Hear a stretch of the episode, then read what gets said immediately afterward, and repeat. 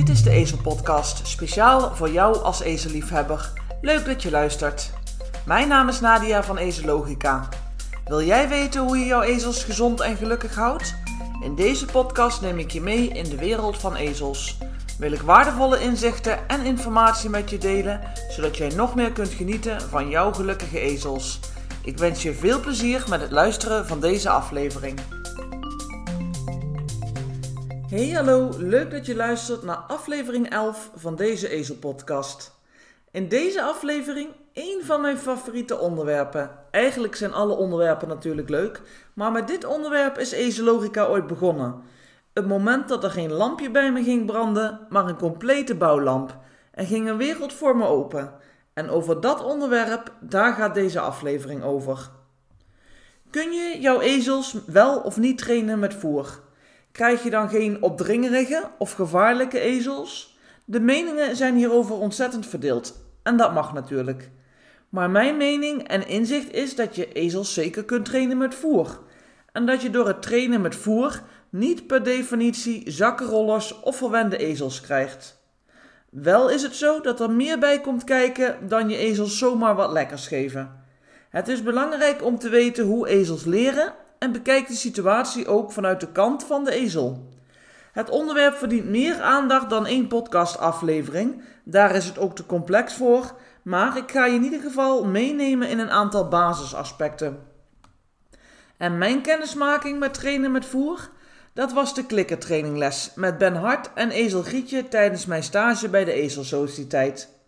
En voor wie aflevering 1 van deze Ezelpodcast heeft geluisterd, is het een bekend verhaal. Voor wie dat nog niet gedaan heeft, ga ik het kort samenvatten. En dit is sowieso een van de meest waardevolle lessen die ik heb geleerd in al die jaren tussen de ezels. En die ervaring die deel ik natuurlijk ook graag met jou als luisteraar. Grietje was een van de ezels uit de opvang in Zeist, een ezel met een behoorlijke rugzak. Zij kwam van een kinderboerderij en werd daar als fokmerrie ingezet. Helaas was daar geen, of in ieder geval heel weinig aandacht voor haar welzijn. Hier en daar zag je nog wat plekjes die wezen op oude littekens en voor een behandeling of verzorging of medische behandeling werd Grietje gesedeerd door de dierenarts.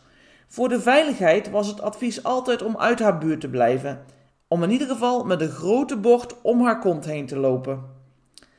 En Ben Hart kwam naar Nederland en bracht altijd tijd door met Grietje. En ik nog denken, hoezo? Je kunt toch beter bij haar uit de buurt blijven? Dat is beter voor haar en beter voor ons? En even voor de duidelijkheid, ik wist toen echt nog niet beter.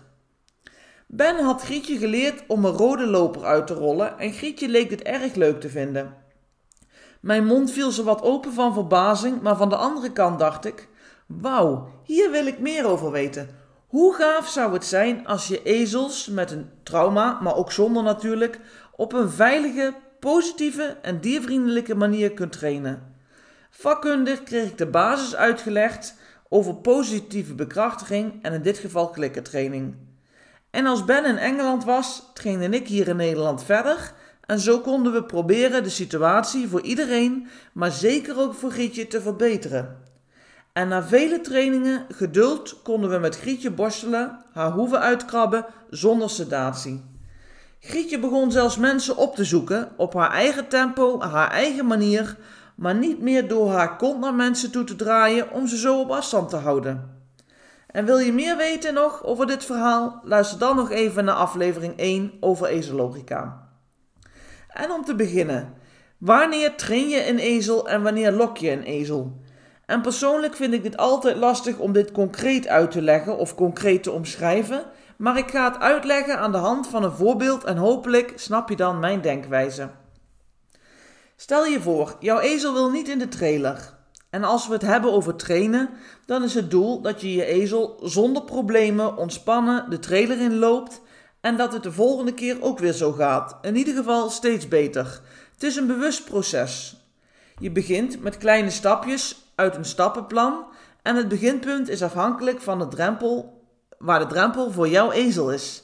Is dit halverwege de klep, onderaan de klep of al op een paar meter afstand van de trailer? Voor iedere stap in de goede richting krijgt jouw ezel wat lekkers, totdat je uiteindelijk bent aangekomen dat jouw ezel de trailer inloopt, kan blijven staan en de klep rustig dicht kan. En dit is heel wat anders dan wanneer we de volgende situatie omschrijven. Wil jouw ezel de trailer niet in? En heb je een spoor van stukjes wortel, appel en wat brokjes op de laadklep en in de trailer uitgestrooid?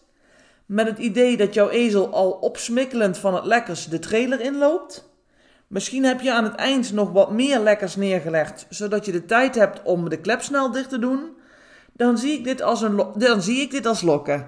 Jouw ezel gaat namelijk voor het eten van de beloning en maakt daarbij geen bewuste keuze over het leren, over het inlopen van de trailer. En mijn vraag bij deze laatste situatie is: wat leert jouw ezel hiervan? Leert jouw ezel überhaupt wel wat van het lokken?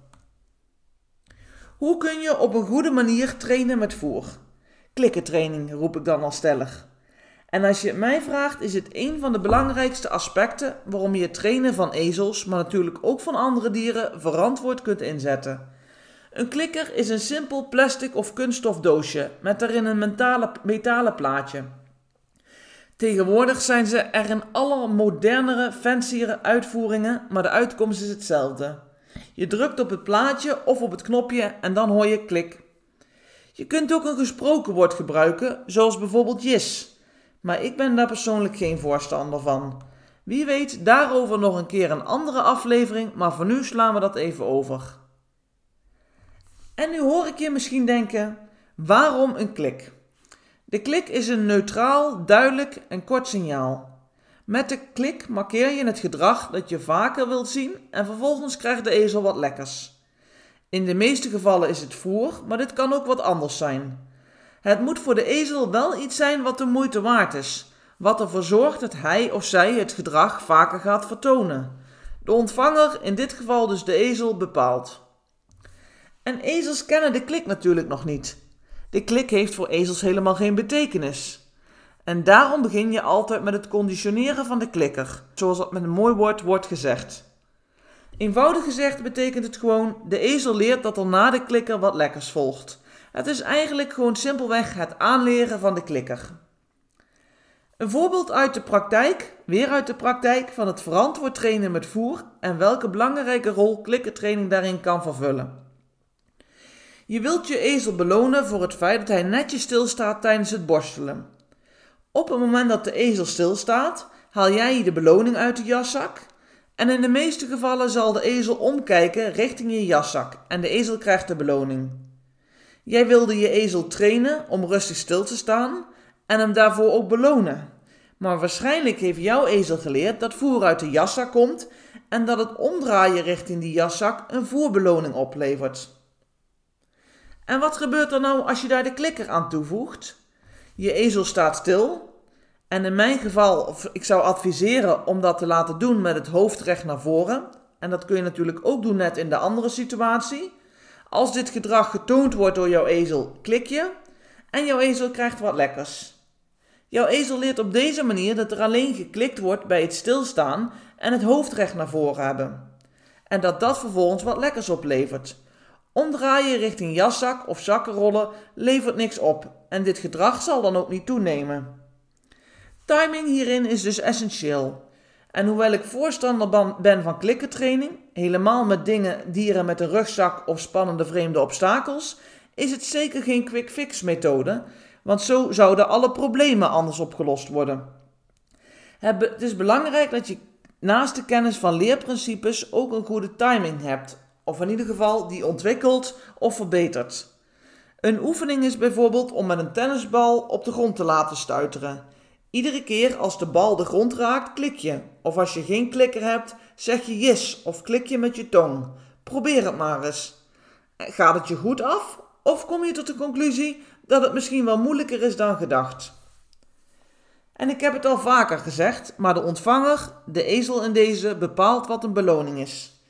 En dit kan dan ook een valkuil zijn, en daarom kan ik het niet vaak genoeg zeggen dat we vanuit onze ezel moeten denken. Een praktijkvoorbeeld.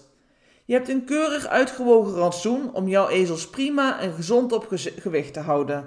Daarbij heb je ook nog rekening gehouden met, met de natuurlijke behoeftes van ezels. Helemaal perfect, maar waarschijnlijk zit daar dan geen of misschien een klein beetje brok bij, ezelbrok. En dit is natuurlijk helemaal prima, maar wat kan er gebeuren als je gaat trainen met voer? Je, hebt, je denkt, oké, er moet voor mijn ezel echt een beloning zijn, dus ik gebruik wat ezelbrok of wat stukjes wortel. En jouw ezel gaat bewijzen van voor dit lekkers uit zijn dak, omdat hij het simpelweg eigenlijk niet vaak krijgt. Het is een stukje schaarste wat ontstaat. De motivatie voor jouw ezel zal dus enorm zijn. Dit is wel altijd op verschillende manieren ook weer op te lossen. Maar motivatie speelt hierbij dus een belangrijke rol en het is en blijft een aandachtspunt om het op een veilige en ontspannen manier te kunnen toepassen. En ik moet nu ook een beetje denken waarom ze zeggen dat je nooit met een lege maag boodschappen moet gaan doen. Want ik weet niet hoe het bij jou zit, maar als ik dat doe, kom ik altijd met de verkeerde dingen thuis. Of jouw motivatie voor een toetje naar een gezellig, maar zeer uitgebreid kerstdiner met de familie. Wanneer wordt er getraind voor wat lekkers en wanneer valt er niks te verdienen? Je kunt bepaald gedrag onder een commando zetten, zodat jouw ezel leert alleen het gedrag uit te voeren of te vertonen als daar een specifiek commando voor wordt gegeven. Maar dan ben je wel al heel wat stapjes verder met het trainen van ezels. Vooral als je net begint, is de context met de training belangrijk. Voor jou, voor jouw ezel, maar ook wat er gebeurt buiten de training om. Zo creëer je duidelijkheid voor jouw ezel en voorkom je ongewenst gedrag rondom voer.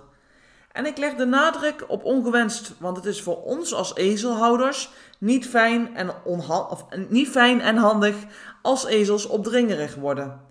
Voor de ezel is het logisch om op zoek te gaan naar eten, aan je jaszak te frummelen als er een lekkere geur vandaan komt, er misschien nog wat restantjes in zitten, of als de ezel simpelweg geleerd heeft dat zakkenrollen werkt. Hopelijk waren deze tips en praktijkvoorbeelden waardevol voor jou. En ik had je natuurlijk al gewaarschuwd, dit onderwerp is te kort voor één aflevering. Maar geen zorgen, na de zomervakantie komt daar een oplossing voor. Het idee staat nog in de kinderschoenen, dus het is nog te vroeg om details te delen. Maar het organiseren van de Ezeldag is daar wel een aanleiding voor geweest. Het samen zijn met ezelliefhebbers, alle enthousiaste reacties, een hele dag over ezels met gelijkstemden. Nou, het is gewoon geweldig. Maar eerlijk is eerlijk, het is een hele organisatie en om verschillende redenen is het ook niet voor iedereen haalbaar om aanwezig te zijn. En hoe fijn zou het zijn als dat wel mogelijk is? Er is dus iets aan het borrelen en zodra het handen en voeten krijgt, laat ik jullie dat uiteraard weten. Kun je nou niet wachten tot na de zomervakantie? Er zijn nog een paar laatste kaarten beschikbaar voor de Ezeldag met Ben Hart en Thijs van Loon op zaterdag 10 juni dit jaar, 2023 dus. Want ik weet niet wanneer je deze podcast luistert. In ieder geval bedankt voor het luisteren en tot de volgende keer. Bedankt voor het luisteren naar deze aflevering van de Ezel Podcast. Wil jij ook samenwerken aan ezelwelzijn? Geef dan deze Ezel Podcast review of beoordeling in jouw podcast app. Wil je een seintje krijgen als er een nieuwe aflevering online staat?